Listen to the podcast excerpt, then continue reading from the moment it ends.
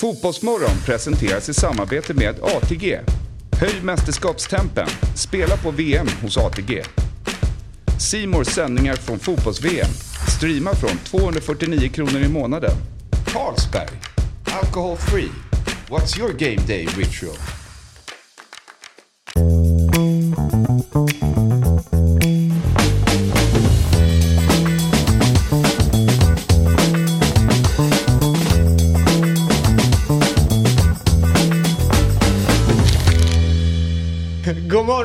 Hjärtligt välkomna ska ni vara till Fotbollsmorgon. 13 december, det är vecka 50. Och dagen till ära med tanke på att det är Lucia så har vi tagit hit en italienare. Ja, just det. Ja. Bra timing på det. Eller hur? Mm. Det är viktigt att, eh, att saker och ting hänger ihop. För annars hade folk tänkt så här, hmm, vad gör en italienare i ett svenskt morgonprogram? Ja, exakt. Ja, Men nu är det. Lucia. Ja. Och då funkar det. Ja. ja så det, Om jag också säger att han är en gosse och en stjärna. Vad säger du då? det också. Ja. Så han är ju eh, som ett kinderägg. Det är ju väldigt mycket. Det är liksom bara lager på lager. En fotbollsspelare är han också. Ja. Pojkvän. Son, bror kanske. Jag vet inte, Ja, bror är han ju. Ja, ja, det, Det också. vet vi. Ja, vi. Ja. Det tog jag 30 sekunder att få fram det. Ja, exakt. Det är ju Jonathan Levi, välkommen hit. Tack snälla, kul att vara här. Ja, och det är fantastiskt kul att ha det här. Eh, är Lucia stort i ditt liv? Har- Eh, brukar du- absolut inte. Du har inte gått till Lucia-tåg och... Jag har ju varit alla de stjärngossarna som man, var det? lite stod man där med sin son. Ja. Eh, men eh, inte alls. Jag tänker inte spå att det är Lucia, ska jag vara ärligt och säga. Nej. Men är det inte någonting vi har snott från eh, Afrika som vi snackade om innan? Nej. Det, har vi- det har vi Nej, fått ta. nej, nej, den- ja, den har vi den fixat själva. Ja. Det är maten ni har tagit Det från, maten, ja, okej, bra. från oss eh, i Abyssinien. Pizza, ragu, kaffe och så vidare. Men okej, innan vi tar oss vidare. Det är några grejer som jag är nyfiken på vad gäller dig Jonathan. Men först ska jag bara informera att vi kommer efter årsskiftet byta kanal på YouTube. Så sök upp Fotbollsmorgon där. Eh, eh, så kommer ni kunna prenumerera och följa med oss där. Vi har också en insamling hos Amnesty ute. Och eh, den ligger där och väntar på er. Att att ni ska göra någonting åt den helt enkelt. Men QR-koden dyker upp här. Eh, och igår så satte Kristoffer Östhed eh, Sendell ribban ordentligt. Vet du vad han gjorde? Nej. Tryckte in tusen kronor. Oj, snyggt. Tack för det. Ja. Eh, det är liksom grymt. Och sen så är Musikhjälpen igång och under dagen så kommer Fotbollsmorgon och eh, Dobb, vi kommer ha någon egen kanal. Bössa. Bössa eller vad- något sånt där. Så det är kul ju. Ja, verkligen. Så där kan man lägga ner pengar också. Var är det i år? Musiken? Vilken, vilken stad? Göteborg. Jättebra. Mm. Är det det? Japp. Vilka sitter i buren? Oskar jag säga. Igen va? Ja, det kan nog stämma. Och sen Ja. han Claes Eriksson som inte är den Claes Eriksson. Nej, men Claes Eriksson, den unga, roliga. Just det. Ja. Och Inte sen så är det Tina Merafsson. De är det, precis. Vem är Claes Eriksson den roliga? Är det han? Han, Claes och Bill... Bill Ja. ja. Han som var just över Atlanten. Ja, Han var med där ja, Henke ja, Larsson. Fick ju exakt. så jäkla fin relation. Jag vet. Ja, såg du det? Det minns Ja, Jag sa underbart. inget annat men det Nej, jag. nej, det var Är det? helt fantastiskt. Och Henke visade sig... Alltså, alla som har lite så här skeptisk syn till Henrik Larsson, på tal om VM 94 då, att han är ganska butter och, och, och stel och sådär. Då ska Tvärtom. man kolla... Det ska man faktiskt göra. Eller Jag blir VM, då ska man kolla. Ja, han var underbar. Claes fick igång honom där och han var fantastisk. Han gillar ju humor, Henke. Det finns ett otroligt klipp på när de spelar in en väldigt, väldigt, väldigt märklig sketch. Henke Larsson, nu ska vi se här, Orup och Felix Herngren. Där de, det är en, den är superweird om att... eh, Alltså hela setupen med människorna. Ja, ja men det är... Det är. Alltså, det, alltså du får, nu, nu förstår jag men det, jag tror att den handlar om att eh, Felix Herngren är där och intervjuar Henke och Henke tar in Orup som någon form av så här skrockkonsult. Så han har så här ål i kallingen och sånt där för, för att komma igång inför match. Men det, och har massa ramsor för. Många mål! Mål, mål! Det, du känner att det är viktigt för resultatet det här alltså? Att de här grejerna är viktigt att du, för att du ska kunna spela bra? Simma och fiska eller? Det är väl klart att det är hur viktigt som helst. Utan det hade förmodligen inte gått så bra som det har gjort. Menar du, du hade inte varit en bra fotbollsspelare om du inte hade gjort de här... Övertygad om att jag inte hade varit det. Nu är jag matchklar. Ja, så jag går ut och... Utanför. Vet var du ska stå. Den är svinkonstig. Men det, är, det visar ju att Henke kan ju bjuda på sig själv när det kommer Ja, till nej, han, han kan verkligen det och han är noga med att påpeka det. Du, det är snart jul.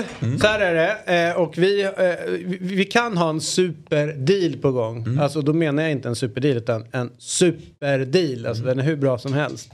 Det är ju eh, det här kortet som nu finns digitalt.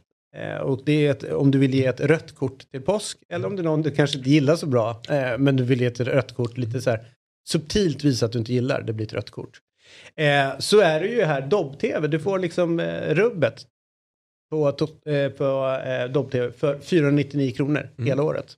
Eh, och då går man in på www.dobb.tv snedstreck giftcards. Mm. Och där finns det. Fantastiskt. Ja. Så får man slutet här på 2022 kan man kolla Quizaleta Mhm. och gamla program. Eh, dyker upp lite sportchef special här. Eh, Inte bara i England där jag var med utan även i Italien såg jag eh, Christian Borell Ja, han kör nu. körde. Eh, och sen så har vi ju hela nästa år då där det dyker upp massa bra program. Mm. Spännande. Vansinnig nivå i Quizareta.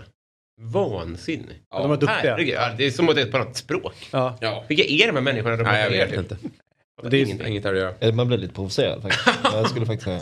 Men eh, är du duktig på... Eh, Vi brukar faktiskt köra det med mina vänner. Alltså, Quizaleta? Fast inte med kamera och grejer. Nej. Men alltså, ja. alltså inte exakt likadant, men massa quiz och lite sådana grejer. Ja. Hur står du? Eh, Jag är ofta programledare så Ja. säga. Så Ja, jag för att jag någon förstår. måste ju strukturera upp det. du och Robin ni kan prata lite i en grupp där borta. Är du, är du frågeskrivare också? Förlåt? Är du frågeskrivare och sånt där också? Ja, exakt. Ja. Ska vi eh, eh, grotta ner oss lite grann då i Jonathan? Eh, IFK Norrköping är du i nu. Jag tror första gången jag hörde runt dig, det var när du fortfarande snurrade runt nere i eh, Smålandsfotbollen. Var det så? Ja. Så tidigt? Jajamensan. Eh, det var eventuellt en övergång på G till Öster. Mm. Eller om det var från, nej till Öster var det, men då gick det någon annanstans. Nej. Nej, du var i Öster och gick någon, Mattias Concha var det fast var sportchef där, där nere. Jag är ju hans gubbe, men, Ja. menar han på. Exakt. Ja, ja, jag fixar in honom. Ja, ja, exakt. Det säger han hela tiden.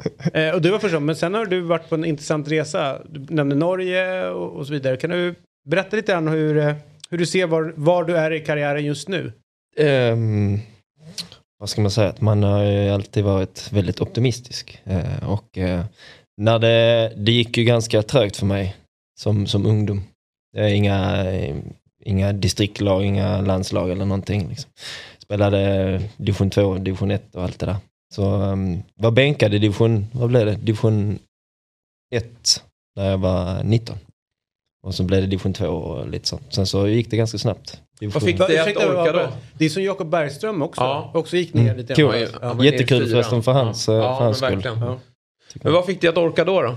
Eh, alltså på något sätt så var man bara att fotboll är jättekul och det här vad jag vill göra liksom. Mm. Och jag trodde väldigt, väldigt mycket på det. Alltså man, man förstod väl att man hade någonting. Men när du som 19-åring liksom fick vara utlånad till division 2 så liksom eh, är det nog många som känner att hur fan kan man tro på det? Och nu i efterhand tänker jag bara vad höll jag på med liksom. Men det var ju värt det i alla fall liksom. Eh, jag är glad att jag trodde på det. Liksom. Mm. Sen så blev det att det gick bra i division 2 och så blev det division 1 med Landskrona Boys. Och sen så Öster och sen så, så gick det snabbt. Men jag kommer ihåg när det var Öster då, då började det ju ryktas om, om större klubbar i Sverige. Eh, Hammarby Mm. pratades det en del om då, kommer jag ihåg. Men så blev det, du valde ändå att sticka till Norge. Ja, och det var sista, vad ska jag säga? Cashen. Faktiskt Oljepengarna. inte. Det är faktiskt inte så. Nej. Dunkar in på kontot. Nej men Rosenborg är väl alltid hett liksom. Jo, jo, även men även också- sportsligt. Ja, men Alltså det var ju, vi skulle kvala ut till Champions League en vecka senare. Liksom. Ja. Så att det är väl klart att det också lockade en hel del. Liksom. Eh, men då var det att jag, då var agenten, vi var liksom på en liten sån rundvandring. Träffade lite olika klubbar. Sen så säger han att eh, ja, det är en klubb till och jag kände bara, jag orkar inte. Ödmjukt sagt Mm, liksom. Men det var liksom så man hade semester på sommaren och så hade varit borta en vecka och träffat och åkt och hit och dit. Och så bara, ja men det är Rosenborg. Så frågade jag hur, hur intresserade är de? Liksom. "Ja, Jag vet faktiskt inte. Så jag bara, ja, vi, vi tar det då liksom. Sen så blev det att jag, jag tog den då liksom. Så att, Låt oss, eh, när vi är mitt inne och pratar om eh, Jonathan Levi också, vi kan sätta på oss de här hörlurarna. Ah. Därför att nu undrar ju folk så här, vem är det som är på skärmen? Mm, verkligen. Så. Ja. Eh, och eh, har du någon idé Jonathan? borde jag ha det? Kanske. Det ingen... Om du bara lyssnar nu. Vi är kvar till Quizareta. Ja, lyssna nu. Kvar till Quizareta. Kommer jag inte komma i alla fall. Välkommen och god morgon och välkommen till Fotbollsmorgon Jonathan Levi. Tack så mycket och god morgon på er.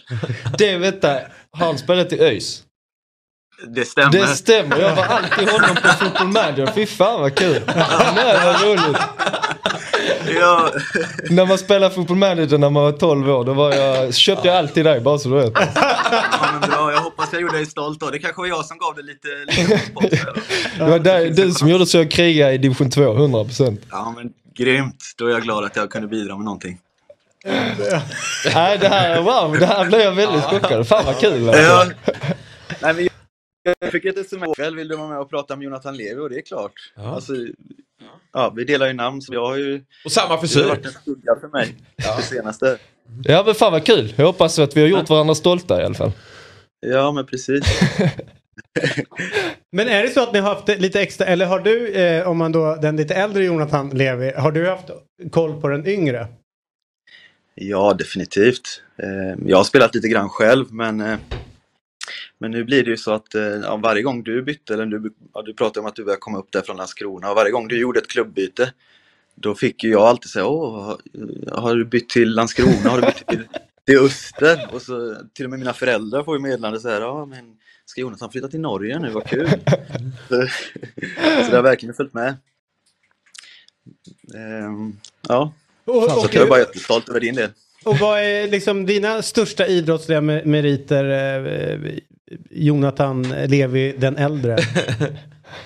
Ja, nej men, ja, spelat lite fotboll som sagt. Jag faktiskt, ja men jag tyckte jag såg med en bild på mig swisha förbi där och det Ja, var ja. när jag spelade i Boys i Varberg. Ehm, men sen jag, jag gjorde lite, faktiskt lite ungdomslandskamper där när jag var 16-17. Så lite har jag spelat i alla fall. Ah, jag tycker du är lite väl modest med din egen fotbollskarriär. Eh, Det är väl det som är grejen. Du är den Ja, enda men- Jonathan Levi som har gjort ungdoms... Ja det är just det. Ja. Det, alltså. Ja men du sa det, Ja, men då gjorde jag så. Jag, jag började starkt och så gick jag ner mig så fick du ta över. blev- Vi bytte 20 år resa i alla fall. Ja men fan vad kul alltså. Ja.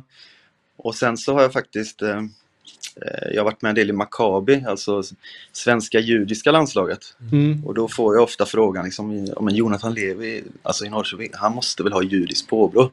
För varje gång vi åker på olika turneringar så försöker vi ja, samla de bästa judiska spelarna.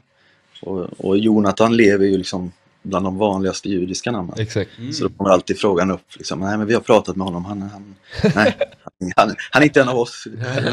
Nej. Jag önskar nästan jag var där. Alltså, det hade varit jäkligt Ni kul. kanske kan värva in honom ändå. Ja, ja, vi tar ett snack efteråt här Jonathan. 100 procent. Men har det varit några opraktiska situationer i ditt liv där folk har trott att de har bokat eh, Jonathan eh, den yngre eller att, ja den- den typen av grejer. Ringer det folk ibland och tror att de har kommit till Jonathan den yngre? Eller något sånt där? Nej, det har nog inte riktigt hänt. Utan, ja, men någon gång har jag fått något meddelande av en tjej tror jag på Messenger. Det kan du inte säga här nu. Vi- Du får vidarebefordra. Ja, men hon insåg sitt misstag, men det, det är några år sedan nu. Fan vad roligt. Det var faktiskt ganska kul. Nej, men utöver det så är det väl mest att ja, men, ja, jag, jag, jag såg att din namn eller så här, har, har gjort det eller det, eller sagt någonting. Man kan få någon rubrik skickad till sig när du har sagt någonting.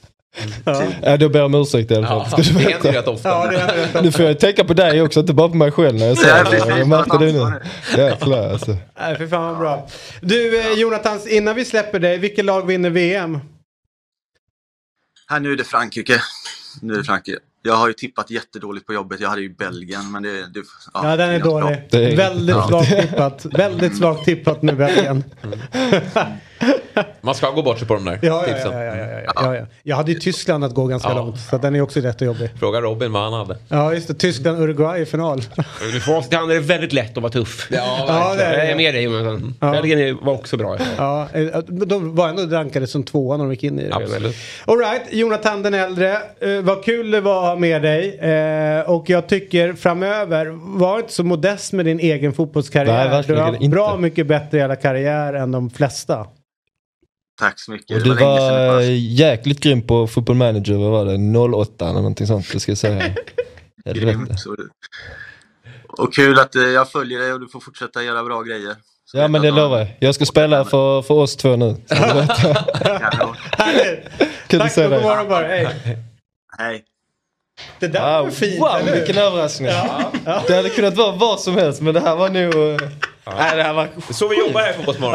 Ja. Allt kan hända. Wow vad roligt. Ja. men på riktigt, jag, det, när man är liten man kollar ju alltid liksom vilka heter som är. Liksom. Så, så, jag tror han hade spelat i Örgryte då.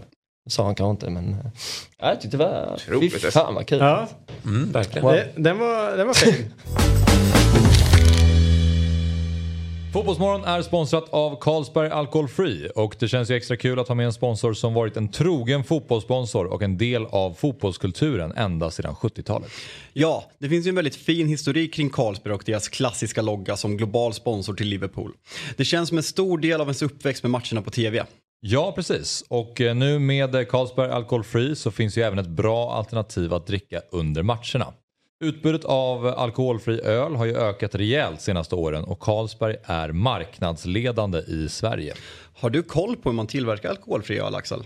Eh, Det har jag inte. Det är faktiskt så här att vissa tillverkare avslutar bryggningen genom att koka ölen. Alkohol förångas vid 78,3 grader. Man kan kalla det omvänd destillering. De flesta bryggerier använder dock vakuumdestillering. Detta gör man för att bevara smaken i ölen på ett bättre sätt. Stort tack Carlsberg Alcohol Free som är med och sponsrar Fotbollsmorgon.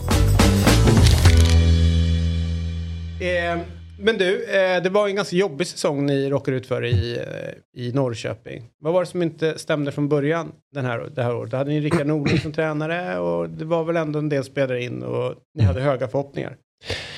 Ja, eh, kanske lite för höga förhoppningar till och med. Eh, att, eh, vi, någonstans måste man ändå liksom kolla på hur, eh, hur vi var året innan och vilka spelare som kommer in och kommit ut och allt det där. Men det var ändå en andra året med, med Norling och hans eh, filosofi. Den, eh, som var ganska tydlig vad vi ville åt. Liksom. Eh, och, så gick vi på plumpen. Trodde och, ni på det? Ja, alltså hans system ja, absolut. Ehm, Så det var inte så att spelarna inte ville ha kvar honom eller att ni inte trodde Nej. att det han gjorde? Eller? Nej, nej, nej. Och vi, vi ändrade lite. Eh, vi spelade ju innan ett 3-4-3 va? Ja, och så nu så 3-5-2 i princip. Liksom. Eh, och det gynnar ju mig för jag kom högre upp i försvarsspelet och kunde vara med liksom, i omställningen, kom lite längre in i banan, lite sådana grejer.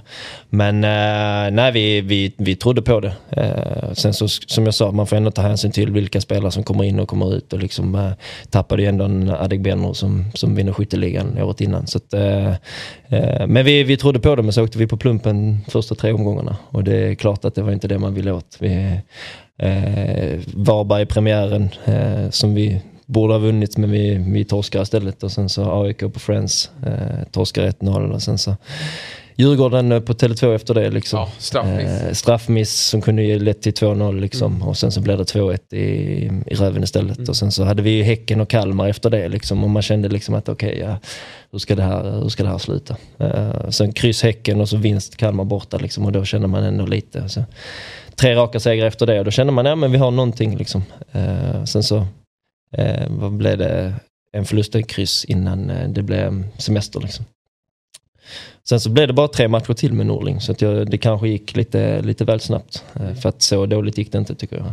Men, Nej, och jag tycker så här med var- Rickard Norling, vad han då gjorde i AIK, det var ju ett experiment som kanske inte AIK var redo för. Men Alltså, det var tycker... inte bara han om man ska vara ärlig. Det Nej, var ju nej många men som låg bakom. nu behöver vi inte prata om det. Men, men han hade ett experiment och eh, eh, jag tycker att Norrköping då när man tar in Rickard Norling då, då måste man ju vara lite redo på att vill vi köra på hans nya idéer Ja men då kanske vi måste ge det här tid. Och jag tycker nog kanske att det var lite eh, kort underlag för att bedöma honom. Eh, sen förstår jag också lite vad Norrköping är. Att det, eh, det finns alltid, det börjar bli lite, lite tryck på Norrköping tycker jag. Med tanke på de spelarförsäljningar man har gjort och, och den ekonomi man har. Och då måste man ju få resultat ute på banan också. Eh, och, och jag upplever också att supporterna eh, är ganska gnälliga. Alltså så här, det, det finns en utifrån kanske man kan tycka att Norrköping kanske inte har det där trycket som, som eh, klubban här uppe i Stockholm eller nere i Malmö har. Men, men jag upplever ändå att det, det finns en förväntansbild att Norrköping ska vara uppe i toppen. Ja det är en höjd ribba. Alltså, 2015 när man vinner guld gjorde ju Precis. väldigt mycket. Och sen Ja. så blev man väl tvåa, trea liksom. Sen sen jag kom har vi kommit sexa, sjua och kommit tolva förra året liksom. Och det har man ju inte kommit på flera år liksom. Nej. Nej, fast det Så ribban är höjd, ju alltså. 2014 när de eh, Ja. ligger nere i botten. Precis. Och där är ju klubben rätt trygga med att inte ändra på Men efter tränare. guldet så är man inte det. Nej, Nej, det så, så- så att det, det de blev liksom inte ja. bra för klubben Nej, på så sätt. nej. Men ändå bra för klubben Ja, liksom. Så att, För de eh, borde hållit fast, tänker jag, den, den strukturen de hade innan så hade de ju mer tålamod. Alltså om Mm. de trodde på någonting eller att de såg att det här, ja, men spelarna är med, eh, Janne, de tror på det de Mm. håller på med. Så, för de gick in i det året och, och hade en, eh, tippades som topplag och är ett bottenlag. Mm. och Janne sitter kvar. Det är, liksom, det är inte ens frågan om att kicka honom. Året efter går de och vinner SM-guld. Så det, det tyckte jag var coolt gjort av Ja. Norrköping. Men den, den, liksom, det tålamodet känner jag helt borta nu. Och kanske med, med den omgörningen som har varit med Peter Hunt och alla de som är borta och Mm. nytt gäng in nu. Hur har, hur har den liksom, eh, turbulensen som ändå har varit, har det påverkat spelartruppen någonting? Inte mellan oss spelare, men eh, det är klart att sen, sen jag kom in så har vi haft 20 olika ledare som har kommit ut och in och så 30 olika spelare. Eh, och då har jag bara varit här i tre år. Inte mer än så liksom. Så det är klart att det har varit mycket och hela styrelsen. Det var, när jag kom också så var det ju ett, fanns ingen styrelse och så var det no, eller hund skulle ut eller in, det var osäkert liksom. Och, och så blev det ju skitstora förändringar men vi spelare sinsemellan har liksom alltid haft det väldigt tryggt liksom. Mm. Eh, så vi har kunnat sköta vårt egna liksom. Men eh, sen så blev det ju såklart mycket med, med Norling liksom, när det blev att han skulle få lämna och det, jag ska inte stå här och säga att allt var guld och gröna skogar med honom, att man blev jättechockad att det hände. För att det var inte, allting gick ju inte åt rätt håll. Eh, Norling är väldigt, eh, en väldigt fin men speciell människa. Och eh, alla kan inte handskas med honom helt och hållet. Jag själv var liksom, vi hade en väldigt speciell relation. Det var väldigt spänt många gånger men samtidigt så var, eh, hade vi det väldigt, väldigt bra när det väl var bra. Liksom. Och idag uppskattar jag honom väldigt mycket. Liksom. Eh, Klassiskt Norling. Ja men eh, det var liksom så. Och det kändes som att man liksom Alltså minsta lilla så kunde det liksom spraka helt liksom. Men samtidigt så vill man bara ge honom en kram flera gånger också. Så att, ehm, eh, jag uppskattar vår relation i alla fall. Eh, och hoppas att, hoppas att det är ömsesidigt. Men sen eh, så kände man liksom att jag blev inte förvånad när det hände om jag säger så. Men eh, jag tror inte bara det handlar om ehm, resultaten. Nej. Om jag säger så heller. Nej, och det är ofta det där man inte riktigt vet vad som händer eh, i, liksom, innanför klubben. Det är lite samma med Milos i Malmö FF där Mm. liksom, efteråt har kommit fram att, att ja, det var inte bara resultaten utan det andra eh, bitar som, som vi som supportrar eh, så är utanför, utanför inte Alltså- har riktigt har koll på. Liksom. Det är alltid så. Ja. Det, det är någonting eh, med att det blir en, någon, en, ja, en friktion någonstans som gör att eh, det är väldigt sällan det är bara är resultatmässigt. Sen är det ju lätt att nu i efterhand sitta, man tyckte ju där och då kanske att inte beslutet var så dumt att, att sparka Norling men, men så får ni inte riktigt träff under hösten heller med, med, eh, med nya eh, tränaren och då är det lätt såklart att säga att var det så, det är ju många gånger Ja, det blir ja. så att man, det genomförs en förändring på tränarbänken, man får inte resultaten och då undrar man varför man... eh, Ja, men så är det alltid. Alltså, så fort någonting nytt kommer liksom, och det inte ger resultat då är man alltid väldigt eh, skeptisk till om det var rätt eller inte såklart. Men den här nya dansken som kom, Glenn Riddersholm, han eh, kom in och konstaterade att ni måste bli mer grisiga. Mm. Det var typ det mest tydliga som jag hörde att han skulle förändra hos er. Eh, Inte riktigt min kategori va? nej. Är, är du mer grisig nu eller? Jag försökte vara det men jag är inte jättestark där, det kan jag inte säga. Hur gör man för att träna på att bli grisig? Ja men det är det som är frågan, jag vet inte. Eh, det är inte så att jag inte vill vinna, det är inte så att jag gör, inte gör allt jag kan liksom. Men eh, jag står ju nästan hellre och växlar några ord på, med motståndarna på plan på ett liksom, ja, soft sätt än Mm. att liksom eh, ja, hacka på dem och sådana grejer. Det är inte riktigt min starka genre. Men han vill att ni ska göra det eller? Eh, Ha- nej, men det är liksom? alltså, en, indirekt ja. Mm. Liksom. Eh, och det där, eh, Sigurdsson var ju en jäkel på det i alla fall. Liksom. Mm. Och, eh, det triggar ju upp honom också. Liksom. Så att, eh, vissa, vissa kunde det bättre än andra i alla fall. Är det viktigt att behöva bete sig så? Eh, alltså att vara det för att vinna? Alltså var är han, varför vill han att det ska vara så? Och det är mycket inställningsfråga och mycket eh, allt sitter i huvudet menar han på, liksom, att det är mentaliteten som, som måste få sin. Eh, samtidigt så eh, är det flera i, i truppen och klubben som har liksom varit med och vunnit ett SM-guld och liksom varit ute i Europa och spelat själva. Liksom. Så att, eh, det finns ju ändå en, i spelarna. Liksom. Eh, men det finns ju hundra olika sätt att och vi blir en vinnare på. Liksom. Men han har sitt sätt och eh, det, det är ju tydligt på så sätt när det kommer till inställningar och grejer. Det är bara att följa upp det där. Liksom. Men om man kollar så här filosofi då, spelmässigt, upplever du att han är, för, för mig i Norrköping, ena sidan gulden 2015, ett, ett otroligt välspelat eh, fotbollslag. Alltså ni, ni eh, det var Janne inne på här igår, alltså ni spelade ju en fantastisk, eh, du var inte med då, men, men Norrköping spelade en fantastisk fotboll då. Och det har klubben även fortsatt med åren efteråt och på så sätt lyckats, ja men med den offensiva fotbollen, lyckats sälja unga spelare som kommer dit och ja, skjuter iväg. Eh, känner du att han har den eh, filosofin att Norrköping kommer fortsätta att spela en attraktiv fotboll? Alltså för att just det där attraktiva fotbollen har ju varit deras identitet. Ja. Eller våran, får jag Mm. väl säga det också. Eh, och eh, jag tror man frågar man vem vem som helst i vilken klubb som helst så har man alltid ogillat att möta Norrköping. Jag Mm. själv har ju mött dem eh, tidigare och liksom det var, även om de låg sexa, åtta, tio så var det ändå liksom, ja okej nu blir det inte nudda bollen. Liksom. Det blir liksom att, ja det är 30% och sen så backar vi hem och så försöker vi ställa om. Liksom. Och eh, vissa tycker det är kul, jag hatar det bland annat. Liksom. Eh, och eh, jag följde med när jag kom in på, när Jens var tränare liksom och eh, vi, covid-säsongen där när vi, vi började starkt liksom och allt det där och sen så tappade vi på hösten. Eh, och sen så kom med, Norling, att det var ju kanske inte riktigt hela vägen som det varit tidigare men det var fortfarande liksom att vi skulle framåt. Eh, och det är en eh, annan- eh, filosofi nu Glenn har liksom. Eh, sen såklart så ska man väl eh, ta hänsyn till att han kommer in mitt i en säsong. Han kommer in när vi ligger nere vid kval, Ja. kvalplats. Det handlar om att rädda kontraktet. Jag kan själv tänka mig att det inte är lätt att man bara ska sätta sin filosofi på planen när det kommer till hur man ska spela. Att nu ska vi ändra allt det här, vi ska göra så och så och så.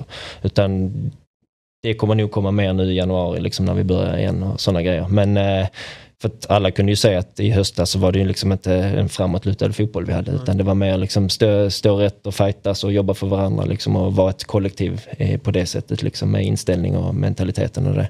Eh, och ja, jag vet ju vilken ringhörna jag står mer, alltså var någonstans liksom jag står i det. Men samtidigt så så tror jag ändå att det kommer komma mer av den, vår identitet, liksom hur vi vill spela. För det är det som saknades lite nu under hösten i alla fall. Det låter på dig som att grisighet var inte det du efterfrågade.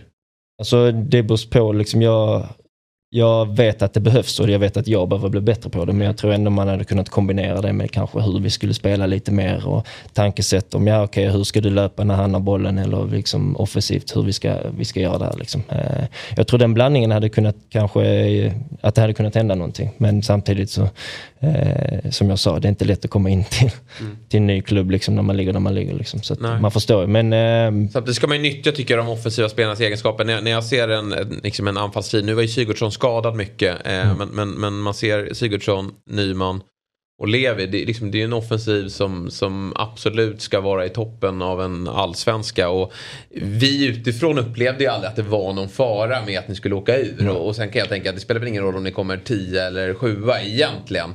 Så jag tycker väl lite märkligt att man så tidigt skapar någon form av panik över att vi kan åka ur. Vi hade två lag där nere som var fruktansvärt dåliga.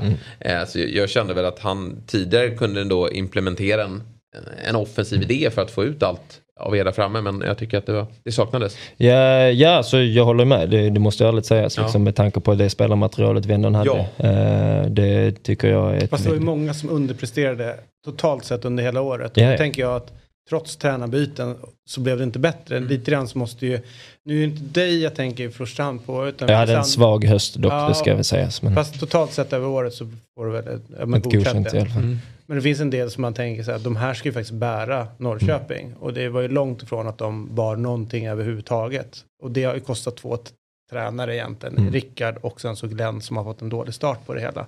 Så att någonstans tänker jag att en del spelare måste fundera över liksom, Ja, sin verkligen, karriär och vad de håller på med. Hur svårt är det att börja rannsaka sig själv i sådana här grejer och inte blicka utåt? Det, det är ju svårt alltså, som människa. Du vill ju bara peka finger på att det är någon annans fel. Liksom. Eh, det är ofta så. Eh, så att, samtidigt så kollar jag till mig själv så försöker man ändå en, Alltså, när slutsignalen ljuder det är klart att du är irriterad på allihopa när du har förlorat eh, igen. Liksom. Men sen så kollar du alltid dig själv i spegeln. Liksom, och grejer. Eh, och det är klart att vissa gör det mer än andra. Eh, men samtidigt så kände jag ändå att det var en trygghet mellan spelarna emellan i alla fall. Och liksom att vi, vi var, jag vill ändå säga att vi aldrig var oroliga. Men samtidigt när beskedet kom att vi inte kan åka ut när det var två omgångar kvar.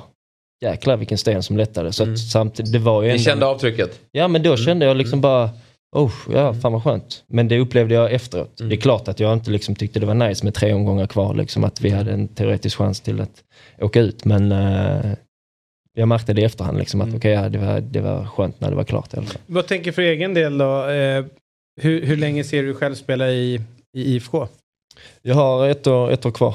Eh, och eh, sen så får vi se sen. Jag, eh, alla vet att jag är inte från stan och allt det där liksom. Samtidigt så har jag ändå tagit till mig klubben som mer än någon annan. Eh, och jag känner ändå liksom att eh, är det någon klubb så är, så, så är det denna. Eh, så att eh, jag har fått en väldigt stor kärlek för, för klubben. Eh, sen så behöver inte det betyda att jag kör en Ante Johansson och är här liksom i tio år. Liksom. Utan, Mm. eh, vi får se helt enkelt. Men, Är inte han lite imponerande?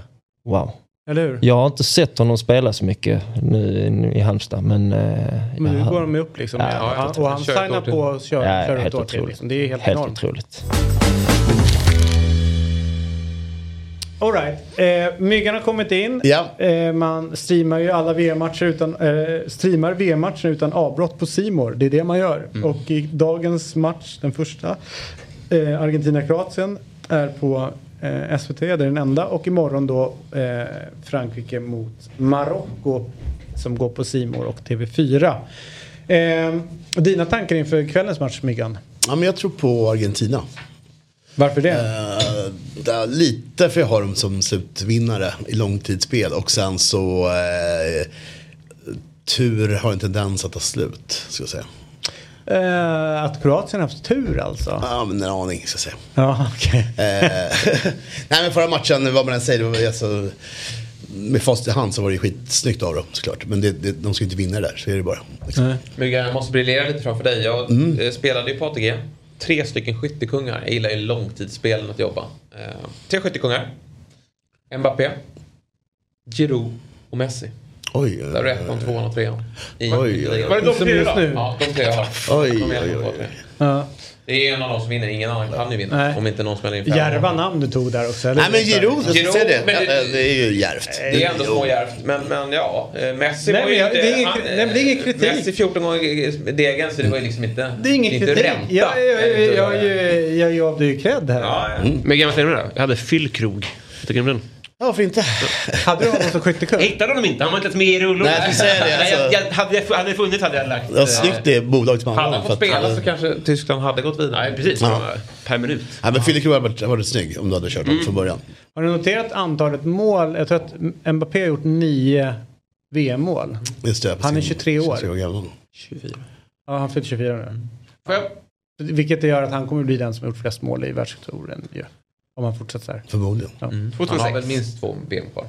2006 gjorde Ronaldo fyra mål i VM. Annars har han gjort, gjort mer än ett mål i något VM. Det är för dåligt. Ja. Bra stat. Och har väl fortfarande inte gjort mål i ett slutspel va? Till och med det. Är han 23? Ja, han är 23 ja. Man fyller 24. ja precis. 20 Man, man brukar december. göra det när man är Ja, 23. 20 december. Ja. Vad sa du? Man brukar göra det när man är 23. Ja, ja. Det är Det supervanligt. att du fick rätta mig. Nästa måndag, grattis. Först. kommer bara tillbaka nu, märkte ni det? Ja, kanske. Sitter Crisalda bakom.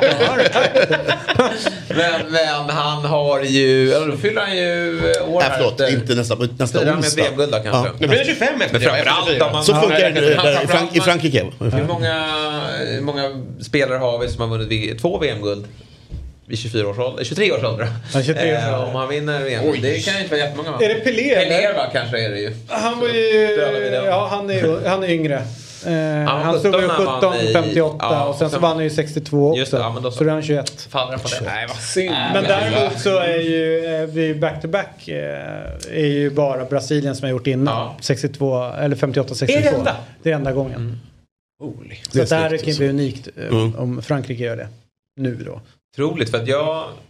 Mitt VM, min VM-karriär tog ju fart eh, 94 såklart. Men, men 98 är ju det bä- bästa mästerskapet som jag ser det. eh, Om jag bortser från 94 och känslorna där. Men då... ehm, ja, men det är liksom starten. Frankrike har inte guld sedan dess. Eller innan dess. Eh, EM har de väl? Ja, Ja, EM har de. men Men inte inte VM. VM. Nej. Och eh, sen dess, Sen är ju dess har det varit- Frankrike ja, mest... Ja, Spanien hade ju några guldår där också. Men eh, tar de VM här nu så är ju Frankrike... Men också underpresterande prester- presterande lag innan. Så att det är samma där. Ja. Spanien var inte heller... Nej. Nej, och Spanien, och hända Spanien, är, tillbaka, ja, och Spanien är tillbaka dit Spanien var innan. Mm. Ja, innan det exakt. framtiden. Ja. Alla pratar upp dem, det är ett bra lag men sen så ja, ut i kvart eller ut åttondelar. skytte- Exakt. Det är så jag vill ha mitt Spanien. Vad sa du? Det är Ja, och mig. det vill jag också. Jag vill inte att de ska vinna. Nej, men Frankrike gillar jag. Det Ja, är- men Frankrike är okej. Men och, och det, för mig är det inte VM-koppling utan det är ju EM 88. 84 som de vinner. Exakt. Som blir eh, liksom min ögonöppnare för Frankrike. Och sen dess har man liksom följt dem. De var, var jättebra VM 86 också. Eh, och sen så var det lite, hade de lite jobbigt då. Men det var Eh, ju EM eh, 84 verkligen med, för mig. Alltså, Ja, ja, eh, och ja, ja. jag perfekt ålder också. Tigana.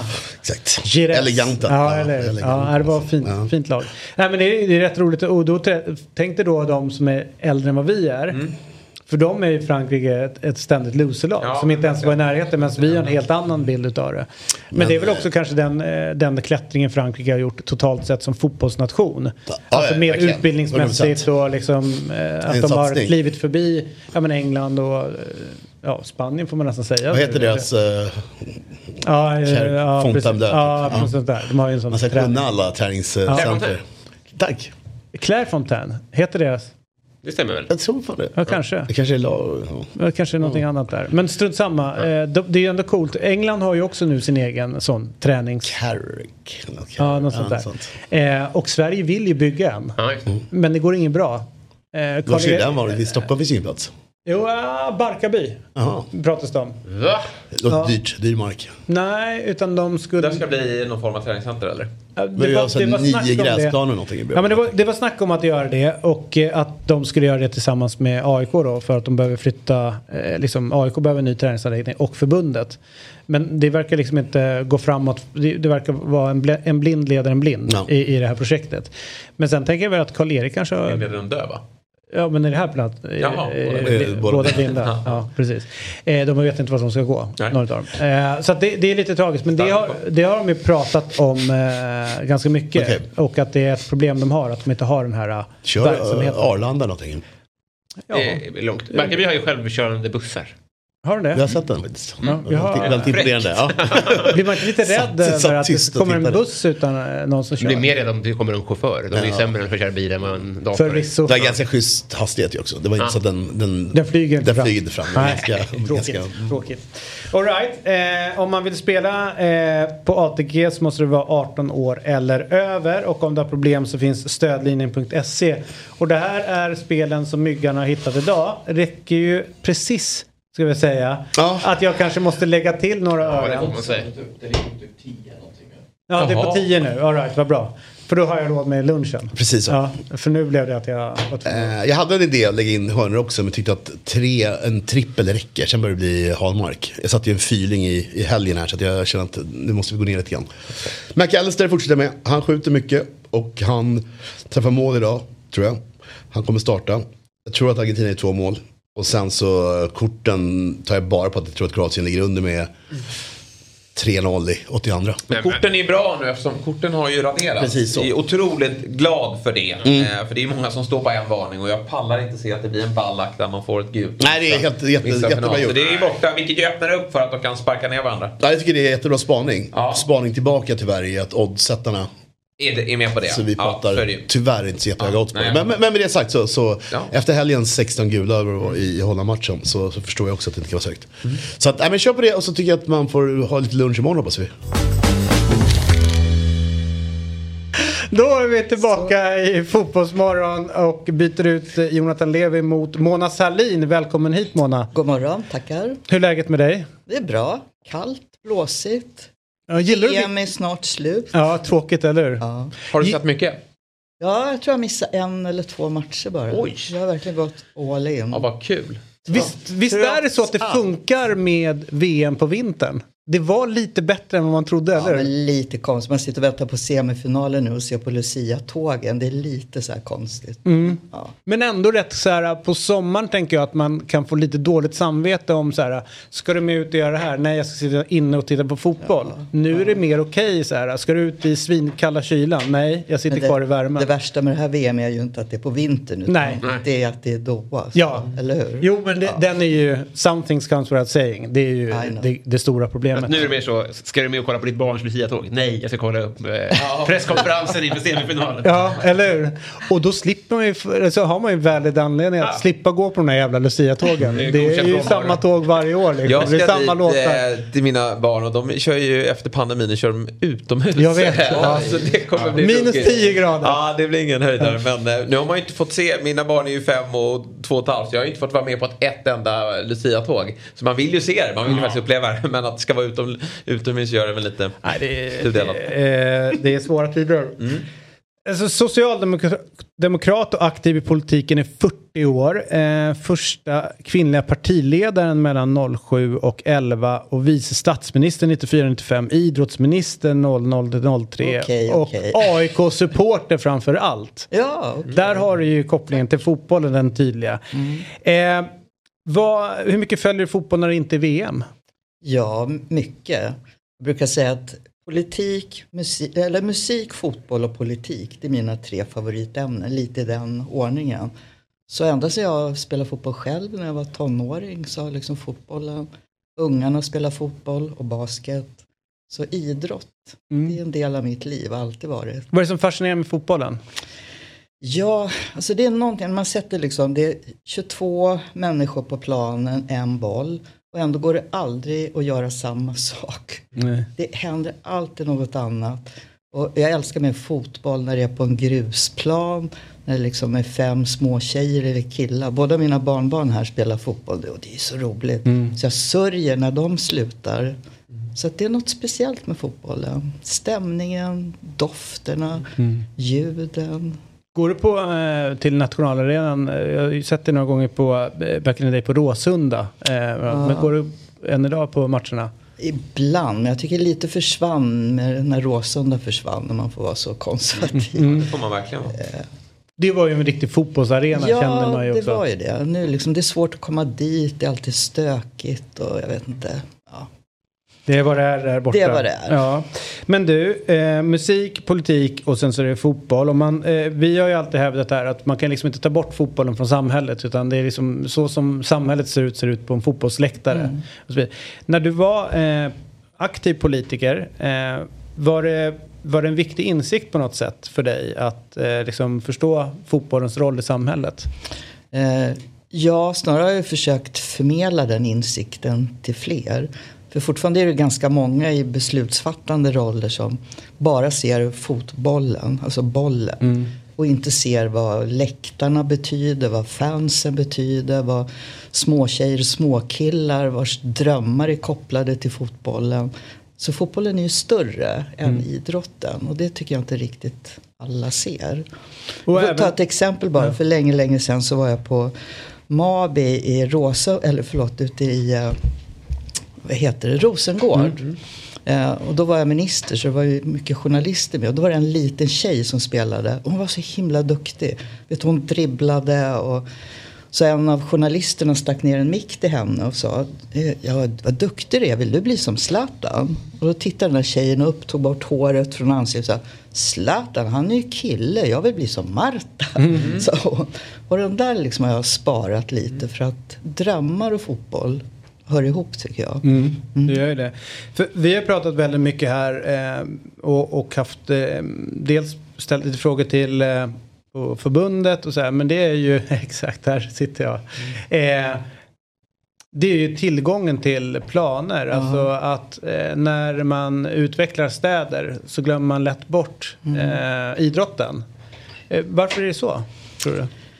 Jag drev det där för dåligt själv känner jag för att eh, plan och bygglagen borde kunna innehålla att man ska ha uppehållsplatser, utomhusplatser för lek och rörelse och då är ju fotbollsplanen liksom Mm. den viktiga.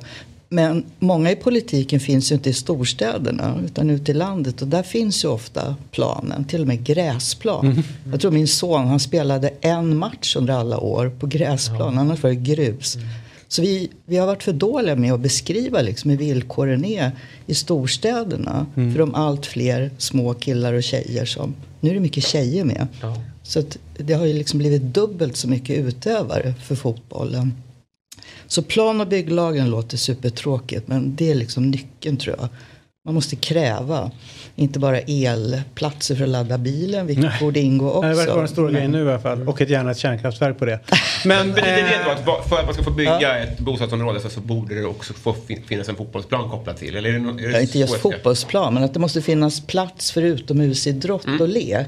Så man skulle ha någon liksom mall för om man bygger för 2000 lägenheter så ska det finnas x många Mm. platser utomhus för att leka och spela fotboll, basketplan, vad det nu kan vara. Det sjuka är, eh, och det här är ett land som på alla sätt och vis bara är all bad just nu. eh, Och det är ju Ryssland. Men under 2018 var jag där och jobbade. Eh, Och när man liksom åkte runt omkring i, i det gigantiska landet så varje inflygning så såg man att alla bostadsområden så var det fotbollsplan, var basket och var lekplatser och alltihopa. Till slut så frågade jag och Marcus Johannesson några ryssar om det där. Och då sa de just att om du ska bygga ett område så måste du ha de här delarna med, alltså den här sista du beskriver nu. Så att även där har ju liksom satsat Ni får inte hårt på- rösta men ni får spela fotboll. Exakt. Typ. Eh, ja. Och om ni inte ska kriga så får ni spela lite fotboll här uppe. Mm. Men det, det, det är ändå intressant att de eh, i, i sin galenskap eh, Mm. lyckades förstå hur viktigt det är. Ja. För jag kan bara tänka mig här, och nu blir det väldigt storstadscentrerat, men Stockholm, Göteborg, nu vet jag inte exakt hur det är Malmö just, men eh, om man kollar alla områden som byggs, byggs Hagastaden eller eh, Mm. vad heter det där på Söder, Hammarby, Sjöstad och så vidare. Där är det ju jättemånga som flyttar in. Men det är ju varken skolor eller simhallar eller idrottshallar. Eller, det är ingenting sånt där. Och eh, när, jag har sagt det här tidigare också. När min dotter spelar fotboll på måndagar så är det 68 barn på fotbollsplanen. Mm. Så det är ju helt ohållbart. Men varför jag tjatar så mycket om det där liksom plats utomhus för lek. Det är ju att fotboll får inte bara vara i fotbollsklubbarnas Nej, regi. spontanidrotten. När det ska vara liksom sju Exakt, till nej. nio. Utan det måste finnas plats man bara kan gå ner. Mm. Några ställen jag var med invigde kallar de för multiplaner. Har ni Ja, sett det? Det är mm. liksom en liten plats åt basket, det är fotboll, det är boll, vad det nu kan Mm. vara. Och så är det lyset på i stort sett dygnet runt. Sånt Men, Och där måste ju finnas en acceptans. Vi hade ju någon som nämnde varför Kroatiens eh, framgång inom fotbollen och han nämnde ju spontanfotbollen. De spelar nästan under nätterna liksom. Och, och folk står i, i sina fönster och kollar på och tycker att det är härligt. Kan Mm. uppleva i, Sverige att det, det, det har ju varit många rubriker kring det. Att det finns en irritation kring att det låter för mycket och att det, lyserna står på och så också. Så det måste också komma från, från de som inte Ja, utövar själva sporten. nej, att det är okej att barn skrattar och har kul ute på en fotbollsplan. Men Det är därför jag tjatar om det här med storstaden. För det är samma sak med musikplatser Ja. i Stockholm. Det är ungefär Ja. som man flyttar till Stockholm och det ska vara tyst Ja, och lugnt och gärna en badstrand. när- Man missförstår på något vis vad Mm. storstaden Mm. är. Jag bor på Kvarnholmen i Nacka. Det är också det är en liten plats, det är väldigt packat med bostäder. Och så finns det några fotbollsplaner. Och det är sånt bråk med de som bor i närheten. Några är så elaka, de står och kastar ägg på barnen. När de spelar, står och skriker. Då får man flytta ut i skogen. Det är, Ja. det är både billigare och, och tystare. Nej, men exakt. Så är det verkligen. Så ju mer sådana platser, ju mer får ju folk vänja sig också vid att det finns barn i storstäderna också.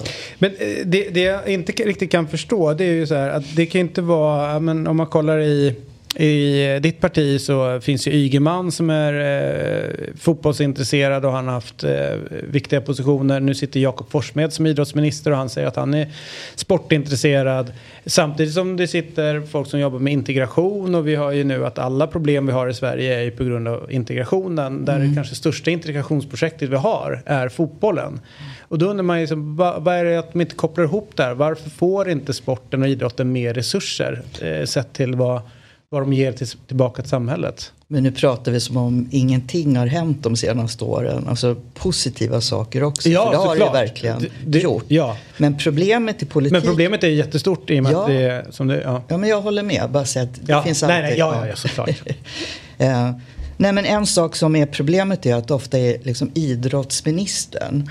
Men det vi pratar om nu är ju kanske att finansministern behöver titta över skattefrågan när det gäller idrotten. Kommunpolitiken behöver titta på planerna och tillgängligheten.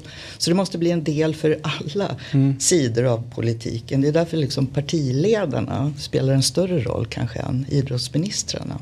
Varför har vi inte en idrottsminister som bara är idrottsminister och kanske tar, ser över idrott och hälsa, alltså folkhälsan? Mm. Ja, den kombinationen hade ju varit bra. Jag var integrations och id- idrottsminister. Och den- det, den- det var också den en väldigt jag. bra Ja. kombo. Liksom. Exakt. Så att eh, återigen på partiledarna. Nu är det Mm. Ulf Kristersson. Jag vet inte Mm. riktigt vad Forssmed, vad är han? Han är idrottsminister. Ja, men förutom det, vad är han mer? Är det inte hälsa? Är det social Nej, socialminister ja. är det. Precis. Ja. Så att det är väl någonting där. Men den där är ju återkommande. Den kommer ju ofta kring efter när, när ny eh, regering är satt. Varför, finns, varför är det inte en, eh, kanske bara en idrottsminister? Vad är, jag kan ju inte, vad är, vad är fördelarna och nackdelarna och varför är det inte det? Är det, är, är det en för liten fråga?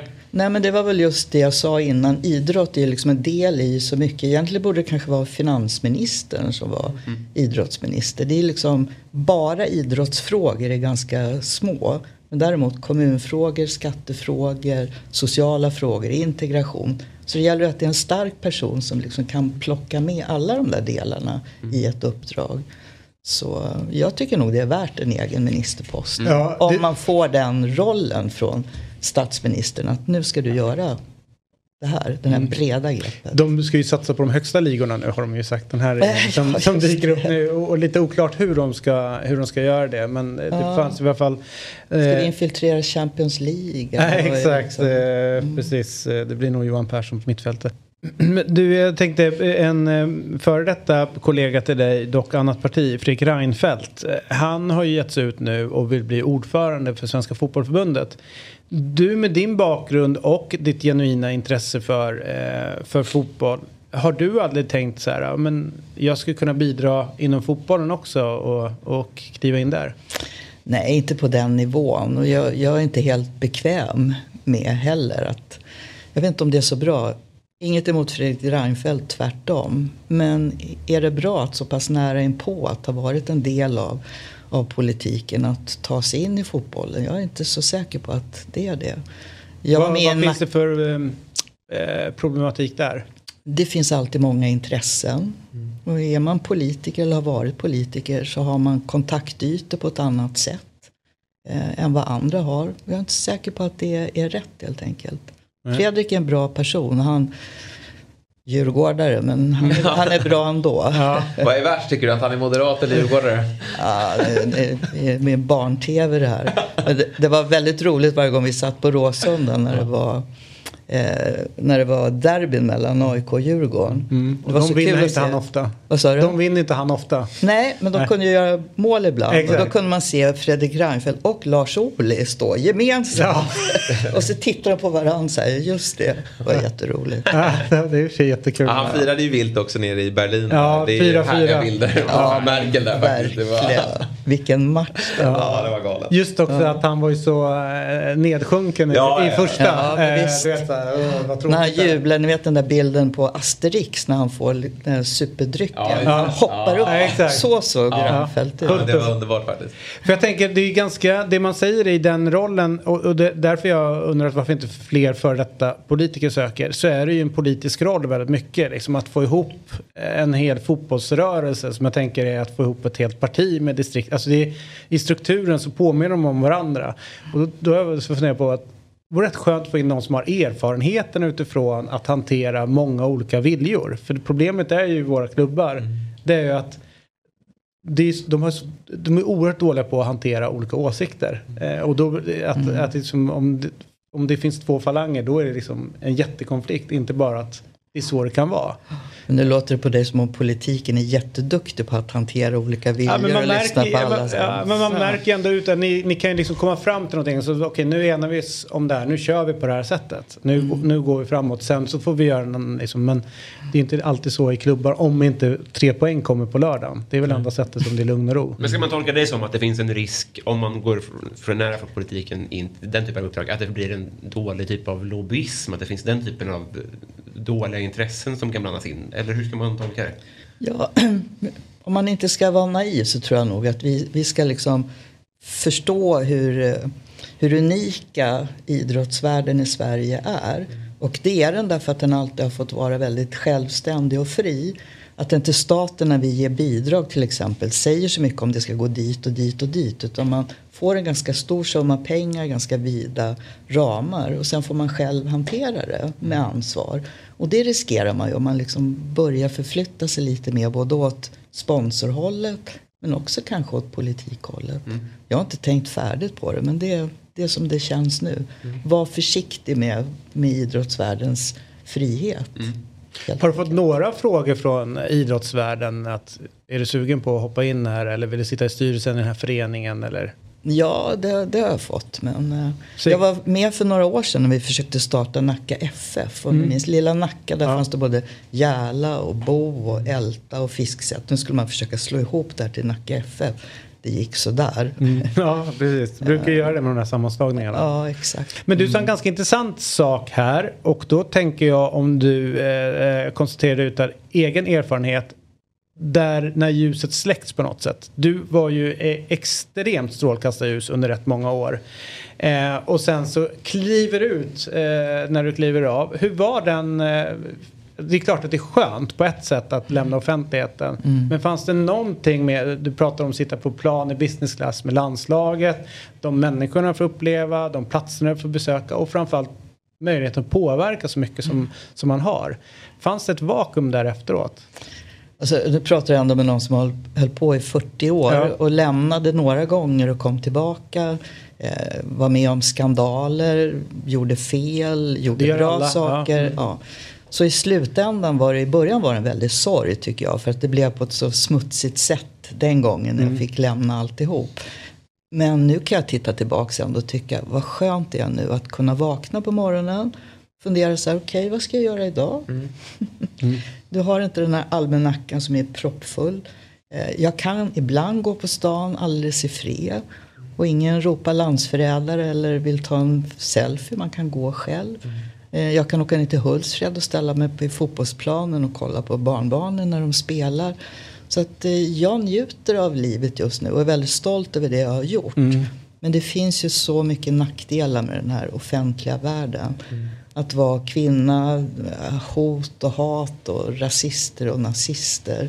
Som det tar ut sin tribut också till slut på glädjen. Som jag alltid har haft över politiken och fortfarande har till viss Hur gör man för att värja sig så att inte liksom, det är klart att allting tar på någonting men hur gör man liksom, så att det inte blir att det tar för hårt med den eh, för jag kan ju Det lilla, tar ja, hårt. mm. Det, det går, jag kan inte värja mig måste jag säga. Det, det tar hårt. Någonstans så vet man ju att när det hände igår senast när han stod och skrek jävla landsförrädare. Så kan jag ändå känna fan vad bra jag är. Mm. Att fortfarande stå de där idioterna och ropa på en. Så någonstans är ju hatet också en bekräftelse. Men det tar ju, mm, det tar ju på när ens ungar, ja, det är så mycket som, Vad är, som vad, är är, skit vad är det för typ? Vem skrek så? Alltså någon, jag bara tänker, det någon äldre farbror? Nej, det här var en uh, ung kille. Alltså, eh, jag har varit med om en grej som bara kan säga en del om hur obehagligt det är att se folk ibland. En snygg, trevlig kille som kom upp för tunnelbanetrappan när jag var på väg ner. Och säger hej Mona, säger han. Ja, hej, säger jag. "Eh, Du kanske inte kommer ihåg mig? "Eh, Nej, jag känner nog igen dig. Men vi har inte glömt dig, säger han och drar ner tröjan och visar. Du har en hakkorset tatuerat. Så för mig är det lite det där. Den som ropar landsförrädare är ofta en sån. Andra kan ju säga jävla Salin eller Toblerone eller någonting.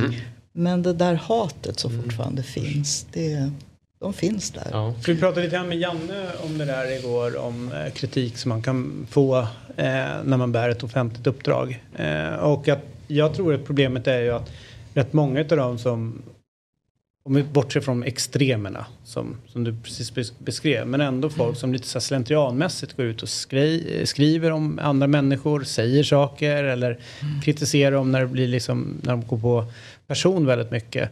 Um, att, eh, hur, hur man hanterar en sån sak. Och, och då börjar jag också tänka så här att vi som sitter och skriver eller pratar om, det blir nästan inte människa Mona Sahlin utan det blir ett, en företeelse Mona Sahlin. Det blir Jan Andersson är inte en människa. Zlatan. Är inte en människa. Mm. Utan det blir liksom att man förväntar sig att man kan kasta vilket, vilket skit som helst på dem. För att du är ju offentlig. Alltså det, det är en jättemärklig tankevurpa där på något sätt. Att man glömmer bort att det är människor. Även... Jag tänker ofta på de idrottare eller politiker som jag verkligen gillar är ofta de som också är ganska kantiga, såriga, har varit med om saker och som man är så himla glad över att de har stannat kvar. För ibland är det ju så att de där som är helt känslokalla som blir kvar oavsett, är det de vi vill ha? Nej. Så att det där är ett proble- problem tycker jag mellan idrottspubliken eller väljarna och fotbollsspelarna och politikerna. Men är det så att det är väljarna och, eh, tänker jag, eller fotbollspubliken, någonstans har vi, vi har en tredje part här, eh, alltså mediadelen Mm. och deras roll i, i, i det hela också, kanske också bör liksom se hur Mm. man pratar om Mona Sahlin. Okej, eller hur många timmar har jag på mig för att svara på den Nej, men den är ju, den är ju ganska viktig Ja, och och det är verkligen en treenighet som du säger. Allt påverkar varandra. Det, det är ju verkligen så. Mm. Härligt, vad kul att du kunde komma förbi. Mm. Tack Eh, så och så mycket. hoppas vi på att AIK vinner SM-guld 2023. Nästa Ja, år, då jävlar. Som vi brukar säga. tiden. Ja, eller hur? Eller hur? Ja, och så har vi torskat det till sommaren så att det är inga konstigheter. Jag hoppas att AIK damer kan ta sig Ja, ta sig upp igen. bättre upp igen. Den eh, kan bli svår. Mm. Även fast man hoppas. Absolut. Tusen tack för att du kom förbi Mona. Kul tack. att vara här. Tack så Härligt. mycket. All right, härligt. Eh, stort tack för idag. Eh, imorgon så byter vi ut Jesper Mm. mot Per. Robin mot Julia. Kan bli stökigt. Säger vi Raka byten. Ja, Ja, det är raka biten. Verkligen. Eh, och eh, klockan åtta imorgon så kommer Amnestys generalsekreterare Anna Johansson på besök. Eh, för att eh, liksom, vi ska grotta ner oss lite grann. Så, skicka en slant nu så man inte behöver sitta och skämmas i soffan när man tittar på. Jag har redan swishat in. Jo, inte det. Jag tänkte på titta. Jaha, ja, ja, ja. Man skäms ju. Ja. Det ger inga pengar. Ja, bra tänkt. Kristallen borta. Ja, Ja, den är borta. Den rök den. Ja, fan. In och ut den här jävla... hela tiden. All right, men alltså det, det här kommer att vara en QR-kod. Eh, och eh, liksom gå in där och eh, titta nu är den på gång. Där, där, ja. Den eh, får ni gärna eh, liksom scanna av och eh, så bälla lite grann så att vi inte behöver skämmas imorgon när hon kommer Nej, ut. Vi fick ändå in tusen spänn idag. Så det rätt Igår. igår. Om någon kunde trumfa det. Kanske Robin, det går ju bra för honom. Det går All väldigt bra. Vad sa du? Och du är här på fredag va? Jajamän. Ja, Och du är här på torsdag. Torsdag, yes. Och du är här imorgon. Och torsdag. Och torsdag. Så det blir A-laget imorgon, jag och Myggan. Härligt, god morgon på er, hej då. Fotbollsmorgon presenteras i samarbete med ATG. Höj mästerskapstempen. Spela på VM hos ATG.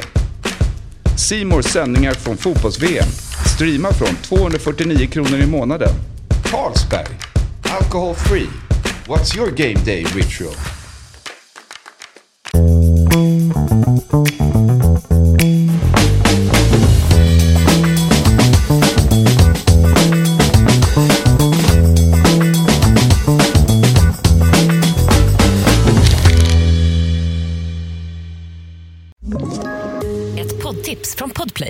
I podden Något Kaiko garanterar östgötarna Brutti och jag, Davva, dig en stor dos skratt.